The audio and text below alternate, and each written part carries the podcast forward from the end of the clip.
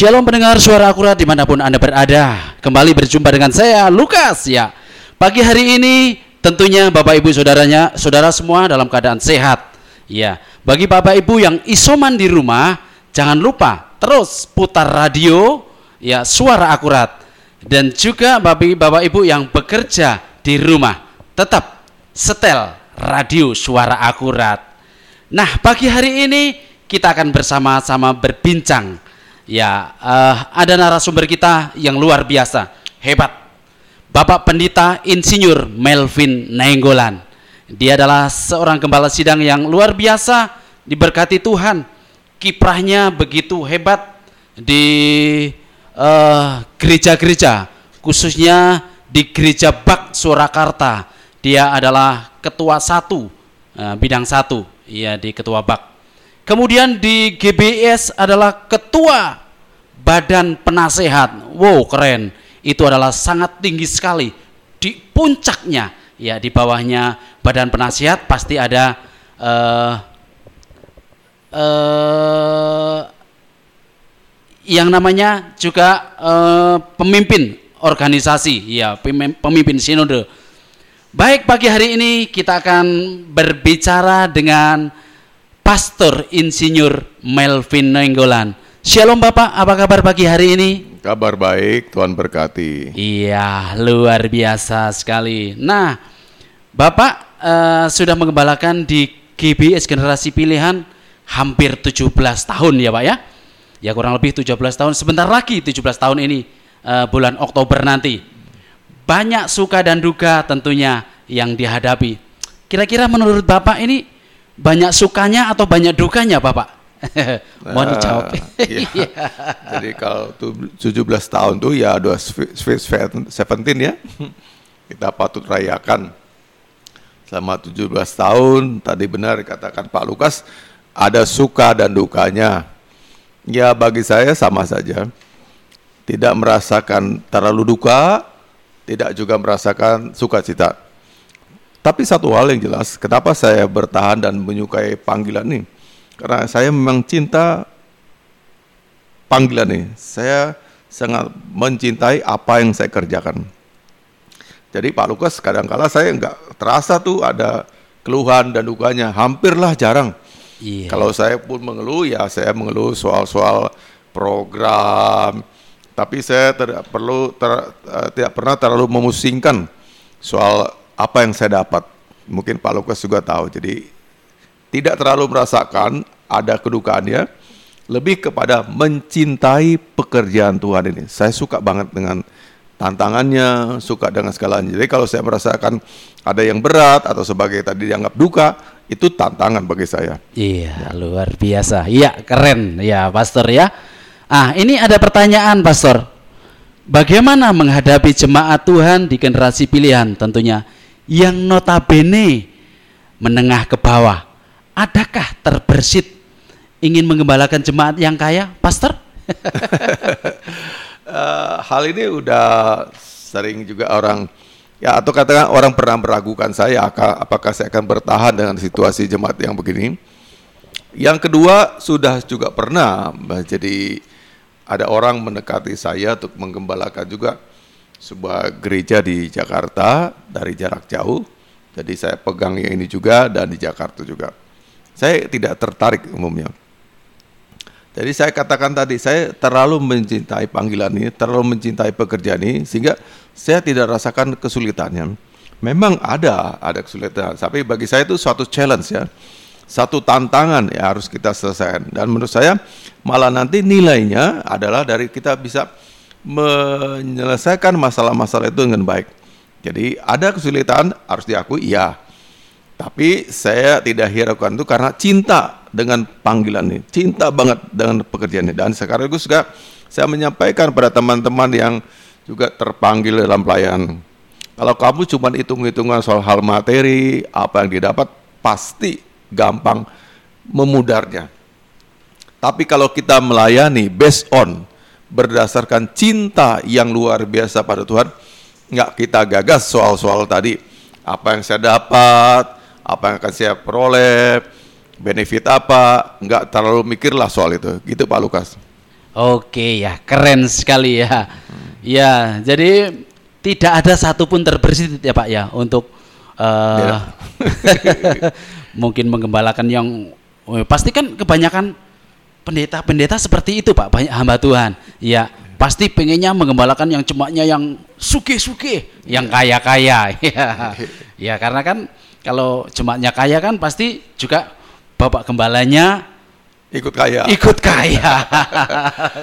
Kalau bagi saya, saya sudah sering kali nyatakan, soal apakah mereka yang saya gembalakan kaya, tidak kaya, itu nggak jadi soal. Tapi mereka jadi jemaat yang menghidupi firman Allah, yang mereka tuh menjalankan firman Tuhan, menjadi pelaku-pelaku firman Tuhan, dan cinta Tuhan yang luar biasa, itu cukup. Banyak hal nanti akan bisa kita capai dengan bermodalkan iman, dan hati yang sungguh-sungguh pada Tuhan. Saya yakin banget itu. Iya, keren sekali ya. Tentunya Pastor Melvin Enggolan ini selalu mengandalkan Tuhan di dalam hidupnya. Ya, tidak sedetik pun juga dia meninggalkan Tuhan, tetapi dia selalu berharap kepada Tuhan. Makanya dalam hidupnya dia selalu mengalami Tuhan yang luar biasa. Padahal eh, Pastor Melvin ini bukan asli Solo ya, Pastor ya? Ya, bukan. Iya. Pastor Melvin adalah dari Jakarta. Wah, orang Jakarta. Coba bayangin kalau dari di Jakarta jadi kota besar, pengen ke Solo, ya, dan mengembalakan jemaat.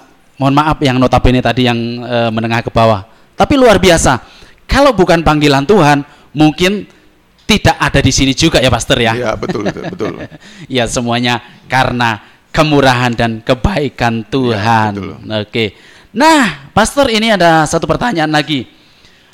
Nah, saat pandemi COVID-19 seperti ini, sangat berpengaruh sekali bagi kita semua. Apalagi banyak sekali yang terpapar oleh COVID-19. Ya, betul. Nah, bagaimana sikap dan langkah yang diambil gereja? Ya, baik. Uh, jadi PPKM yang sekarang ini kan memang satu langkah yang diambil pemerintah demi penyelamatan manusia atau warga ya. Dan memang kalau kita lihat datanya luar biasa sekali. Jadi yang terakhir kemarin saja data orang terpapar COVID yang baru harian data hariannya 56 ribu sekian. Itu sungguh luar biasa. Sudah di, di atasnya prediksi para ahli epidemiolog yang mengatakan Indonesia akan mencapai sekitar 50 ribuan. Lalu ada salah satu media sosial yang saya baca itu Nikkei.com bahwa dikatakan Indonesia has overtakes udah melewati ya capaian di pernah di uh, alami oleh India. Jadi prediksi mereka Indonesia akan lebih gawat dari itu lagi. Lebih gawat dari India. Sehingga adalah suatu kebodohan bila gereja mengandalkan imannya atau menyombongkan imannya, ah, pasti nggak kena, pasti kita kebal, kita pasti sehat, tidak akan ada ke, terkena COVID. Ya kalau tidak apa-apa, tapi kalau terjadi di mana warga dari jemaat itu pada terkena, kita juga akan disalahkan akan dan akan jadi buruknya citra gereja dan kesaksian gereja di mata masyarakat. Sehingga langkah yang kami ambil adalah bersikap seturut dengan anjuran pemerintah. Sesuai firman Tuhan juga pemerintah adalah wakil kita juga, wakil Allah untuk mengatur jalannya pemerintahan. Jadi kami sekarang melaksanakan dengan sistem online, termasuk juga penggembalaannya. Jadi kita ada doa malam yang online, fellowship fellowship yang online, dua pagi online lewat radio dari radio akurati sangat berguna sekali bagi kita karena telah eh, melaksanakan pastoral gereja dengan baik juga. Dua pagi disiarkan, khotbah pagi disiarkan, khotbah siang, petang hari, dan khotbah malam hari juga. Dan ada acara lagi dua malamnya disiarkan lewat radio. Jadi kita patut bersyukur jemaat Tuhan dan semua yang para pendengar. Dengan memiliki radio ini kita jadi satu sarana untuk membangun iman jemaat hingga mereka sekalipun pandemi imannya tetap bisa eksis bagi orang-orang yang memang melaparkan, menghauskan firman Tuhan, dia akan dikenyangkan lewat siaran-siaran radio yang sepenuhnya ya utuh menampilkan semua kegiatan-kegiatan rohani. Itu makanya kita patut bersyukuri, tinggal kita terus mempertahankan dan membangun lebih sempurna lagi program-program radio uh, atau program gereja melalui radio. Demikian Pak Lukas. Jadi dengan adanya COVID-19 ini justru uh, online-online sangat diuntungkan ya Pak ya, sangat ya, menguntungkan betul. sekali. Betul, betul. Dan jadi uh, bagi Bapak Ibu, eh, seperti tadi Pastor Melvin sudah mengatakan, nah generasi pilihan ini punya radio yang namanya suara akurat. Nah itu sangat bagus sekali, sangat membangkitkan iman kita semuanya. Nah oleh sebab itu bagi Bapak Ibu, saudara semuanya silahkan share kepada teman-teman yang lainnya supaya radio ini semakin berkembang dan banyak pendengarnya dan semua orang tentunya diberkati lewat siaran-siaran radio akurat ini amen. ya. Tadi Pastor Melvin sudah mengatakan dan juga mengiklankan ya secara tidak langsung mengiklankan. Jadi setiap pagi jam setengah enam itu sudah ada mesbah pagi ya. Ingat Bapak Ibu ya, sudah ada mesbah pagi dan juga ada sapaan pagi, kemudian ada firman Tuhan pagi. Dan kemudian ada playlist lagu yang juga membangkitkan iman kita, menguatkan iman kita. Selanjutnya juga ada uh, menyapa jemaat. Ya, mungkin yang berulang tahun pasti disapa juga hari itu juga. Dan acara-acara juga ya seperti hari ini ya bincang-bincang dengan Pastor Insinyur Melvin Nenggolan pasti memberkati juga. Jam 12 juga jangan lupa ada khotbah yang luar biasa juga akan disampaikan oleh Pastor Insinyur Melvin Nenggolan. Kemudian jam 6 sore juga masih ada khotbah juga juga yang akan disampaikan oleh Pastor Insinyur Melvin Nenggolan. Kemudian jam 9 malam atau jam 21 malam akan ada mesbah doa malam. Mari ikuti terus acara-acara di uh, radio suara akurat ini pastinya memberkati Jadi gini, kita saya semua. tambahkan Pak Lukas. Iya, oke okay, Pastor. Jadi ya. kalau orang tuh memang dia lapar dan haus akan firman Tuhan. Tadi kan Pak Lukas sebutkan ada doa dan khotbah pagi hari. Siang juga ada khotbah firman Tuhan dan malam hari juga atau sore hari jam 6 sore ada juga firman Tuhan. Bagi mereka yang betul-betul melaparkan dan menghauskan firman Tuhan itu masih terasa kurang. Betul, betul, betul. Terasa ya, kurang. Betul. Ya, dia masih nuntut lagi, butuh lagi. Tapi kalau orang yang memang dasarnya memang ya tidak mau bertumbuh, imannya dibiarkan aja seperti katakanlah ya, ya sabit yang tergeletak, ya dia setengah firman Tuhan pun tidak dimakannya juga. Iya. Jadi kembali lagi pada pribadinya. Namun sebagai gereja dan juga kita memiliki radio akurat sebagai karunia Tuhan ini, kita wajib mengupayakan yang tertinggi, artinya yang maksimal. Yes. Jadi betul. kalau jemaat itu memang mau maksimal, pastinya sih dia bertumbuh. Hidupkan terus radionya daripada daripada dipakai chatting-chatting yang tidak karuan. Iya, betul buka, Buka YouTube yang gak karuan. Ya ini betul. aja. Didengarin firman Tuhannya dan yang lain-lainnya. Yeah. Untuk di radio lain aja kita mau rela mendengarkannya ada yang juga kata sehari-harian tuh gereja X diputar terus, didengarkan terus. Kenapa tidak milik kita sendiri aja? Cintailah milik kita sendiri, produksi kita sendiri ya. Produksi I, kita generasi betul. pilihan. Pasti kalau kita semuanya membangunnya dengan menjadi pendengar-pendengar yang baik, ya. pasti akan juga nanti top juga radio ini. Betul. Yang disayangkan kalau Anda tidak ikut sekarang, besok-besok Anda dengar dari orang lain, ada gereja yang uh, punya radio yang hebat sekali, Anda nyesal. Anda jemaat sini tapi tidak mau dibangun, sementara orang di luar ini mengikuti terus siaran-siaran kita, dan kita jadi dan mereka jadi bertumbuh. Nah sekarang pilihan ada dalam tangan Anda, milih mana? Mau sama-sama dibangun lewat siaran-siaran radio ini, atau Anda tetap cuek saja. Itu pilihan di tangan Anda. Gitu Pak iya, Lukas. Keren sekali ya, mantap. Iya, jadi seperti itu Bapak Ibu Saudaraku. Ya, ya Pastor, ini mengenai mimpi ini. Radio Suara Akurat ini adalah mimpi pastor sudah lama sekali. Nah, kira-kira eh, ke depannya mau dibahas seperti apa Pastor untuk radio Suara Akurat ini supaya semua orang tentunya pasti diberkati. Iya. Ya, uh, saya sih berdoa berapa pelayanan radio itu sekedar ada radionya. Tapi lebih lagi kita bisa menjangkau banyak pendengar. Di zaman digital seperti sekarang, saatnya radio dipakai dengan luar biasa. Sekarang dulu kalau dulu orang harus nyetel radio tuh di pesawat radio yang benar-benar. Jadi kalau enggak dia terhubung tercolok dengan sumber listrik ya harus pakai baterai. Radio paling kecil pakai baterai. Tapi sekarang ada di gadget di HP kita. Nah, dengan di gadget ini kita bisa dengarkan radio sepanjang hari, ya. Karena radio itu kalau Bapak Ibu buka, Saudara buka, sambil dia terdengar suara nyanyian, khotbah begini, itu juga kita masih bisa balas HP. Jadi Ya, ada betul. WhatsApp kita bisa balas, kita bisa dari yang lain sambil kerja yang lain juga bisa.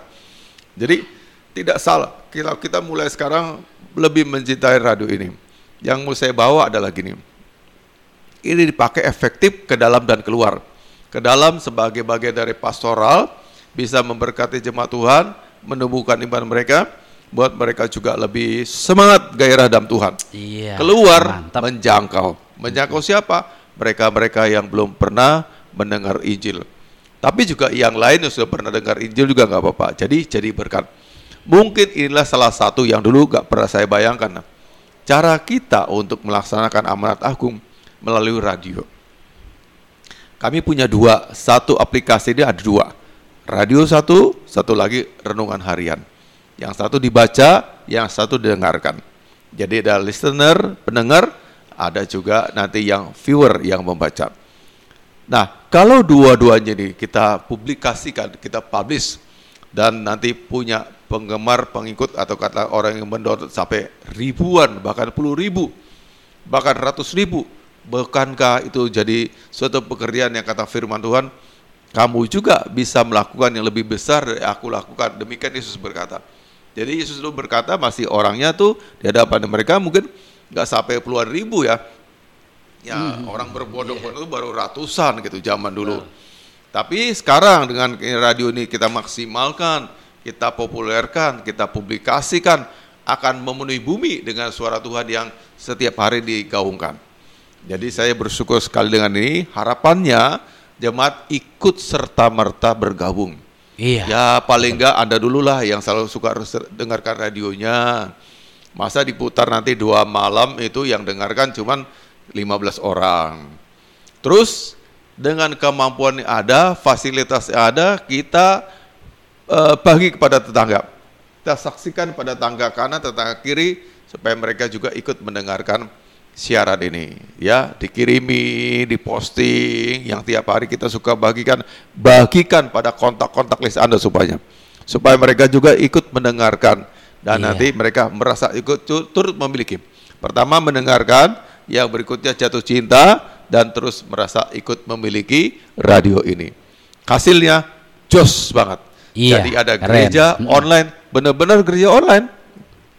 Kalau sekarang kan gereja di online kan, maksudnya gini, kita ada gereja gedungnya, karena pandemi kita jadi siarkan siaran online. Iya, betul. Tapi kalau gereja online yang saya maksud ada yang saya ingin capai dengan pergerakan ini, gereja itu lewat radio membumi banyak sekali orang dengarkan firman Tuhan itu sebabnya kami mulai melangkah keluar lagi kita sudah mulai pakai Ancor ya Spotify Iya, lagi ya Spotify. dan terus YouTube juga kita pakai segala yang eh, sifatnya digital ya Betul, betul. eh, melalui internet untuk jadi peluang baru untuk kita bisa meraih jiwa-jiwa dan sebarkan firman Tuhan ke segala penjuru bumi.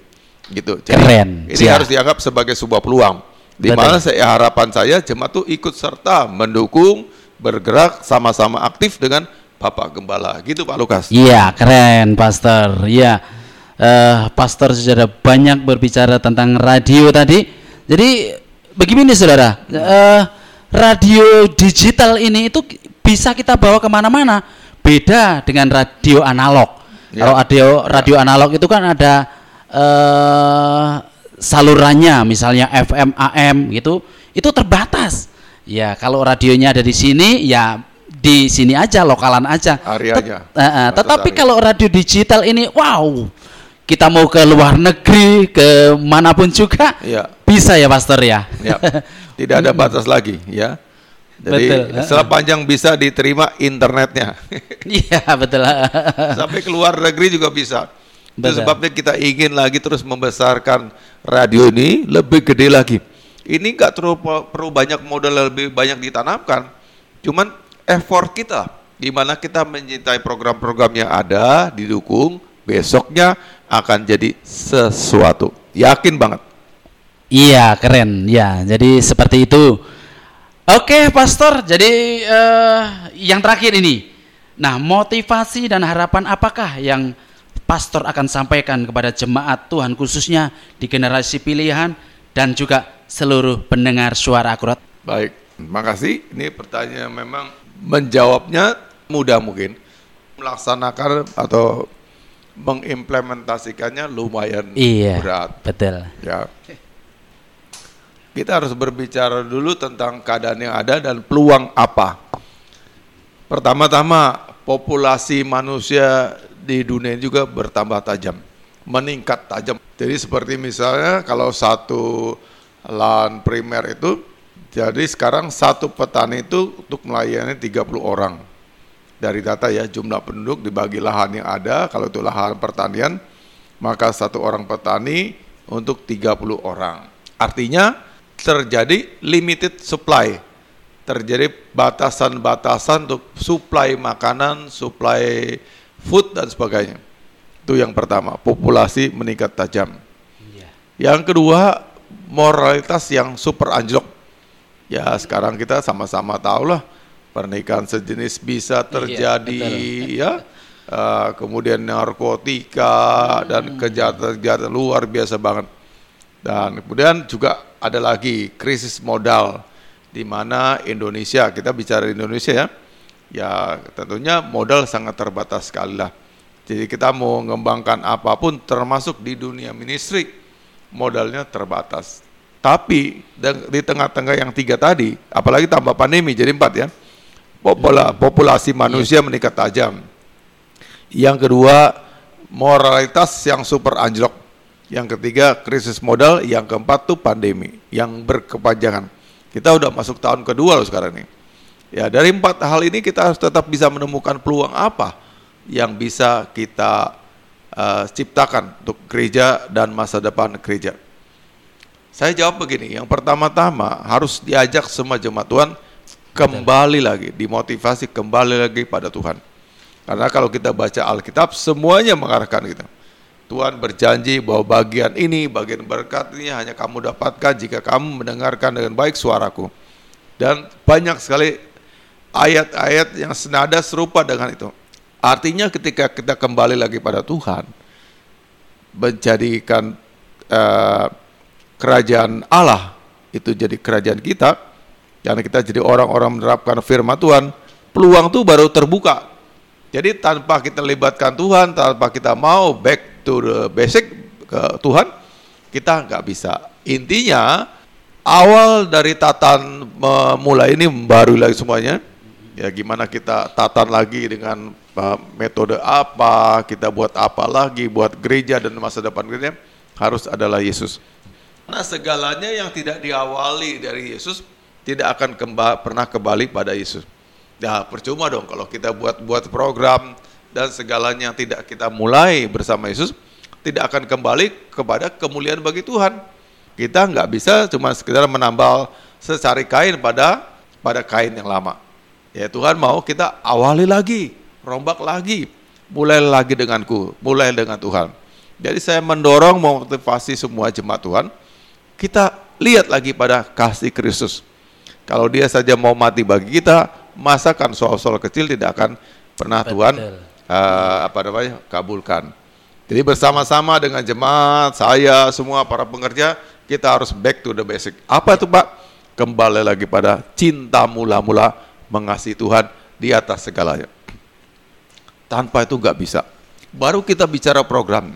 Jadi diawali semuanya dari kita hatinya berbalik lagi, berpaling lagi pada Tuhan, jatuh cinta lagi sama Tuhan, cinta mula-mula lagi dapatkan, baru kita ngomong berikutnya. Yang kedua nih, kita harus mengarah konsentrasi pada SDM. Ya, pada SDM. Jadi kalau kita tuh tidak menemukan SDM juga kita akan repot. Jemaat nanti udah mau balik lagi pada Tuhan. Artinya kan nanti ada perbaikan-perbaikan, moralitasnya ada perbaikan, sisi modalnya diberkati Tuhan, kayak gitu ya. Iya. Lalu sehat-sehat semuanya, pandemi bisa diatasi. Nah, tapi ini butuh butuh apa? Butuh lokomotif yang akan membawa, jemaat ini dari gereja pada masa depan yang baru.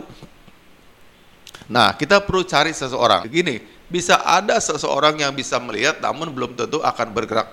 Ada pasti gitu. Bisa punya kemampuan menerawang, berkomentar ini ini itu, tapi dia sendiri nggak bergerak. Dan ada juga orang bergerak tapi tidak punya persistensi atau katakanlah ketekunan, kesetiaan karena beberapa alasan. Jadi ada, orang yang bisa melihat, perlu ada orang yang juga yang bergerak, ada juga yang bergerak dan terus tekun dalam bergeraknya. Inilah yang patut kita pikirkan menemukan orang-orang gini. Tapi ini nggak ketemu dengan cara ya biasa-biasa saja. Tapi harus kita muridkan, dimuridkan, dibimbing sampai kita bertemu menemukan mutiara-mutiaranya Tuhan. Itu seseorang yang bisa melihat, yang bergerak dan juga yang tekun dalam pergerakannya. Ya, saya jenis yang kayak begini. Bapak bisa melihat dan bergerak aktif dan terus tekun sampai hari ini. Kalau tadi disebutkan Pak Lukas kita udah 17 tahun, selama 17 tahun itu Pak Lukas bisa lihat saya tidak pernah menyerah, tidak Iya. pernah berhenti, tidak pernah merasa kapok, tidak Betul. pernah merasa bosan. Terus menerus. Nah, jadi ada dua kebutuhan. Pertama, motivasi jemaat untuk balik lagi pada Tuhan Ya. jatuh cinta lagi pada Tuhan, mesra lagi dengan Tuhan. Dan Tuhan nanti akan berbaikan dengan kita, pulihkan ekonomi kita, pulihkan kesehatan kita, pulihkan berbagai peluang-peluang yang baru. Yes. Nah, terus siapa yang akan bawa-bawanya? Lokomotifnya gimana? Saya pasti akan jadi tua dan butuhkan orang-orang baru. Ya ciptakan SDM yang gimana? Yang tadi bisa melihat, bisa bergerak dan juga bisa persisten, konsisten untuk eh, melakukan kegerakan-gerakan ini. Gitu Pak Lukas, dua hal tadi. Ke dalamnya dorong dulu punya motivasi mereka untuk kembali pada Tuhan, cari Tuhan, cinta Tuhan, ya butuh Tuhan. Dan berikutnya kita menemukan mutiara-mutiara Tuhan yang akan memimpin mereka masuk dalam pergerakan gereja ke depannya. Yes, ya. Oke, keren sekali ya perbincangan kita. Saya percaya pendengar semuanya diberkati Tuhan. Semua pasti menikmati hari ini, ya. Saya rindu semuanya bisa mengikuti terus acara-acara seperti ini yang akan kita lakukan dan nanti eh, ke depannya saya juga akan terus memanggil Pastor Insinyur Melvin Nenggolan untuk bisa berbicara dan memotivasi kita. Siap ya Pastor ya? Siap. Oke ya. Oke Pastor, terima kasih untuk eh, kesempatan hari ini. Bapak Ibu boleh mengajukan pertanyaan ya seputar tadi apa yang kita bahas. Nah, silahkan bisa WA di 0854 2200515. Silakan Bapak Ibu bisa kontak di WA 0854 2200515.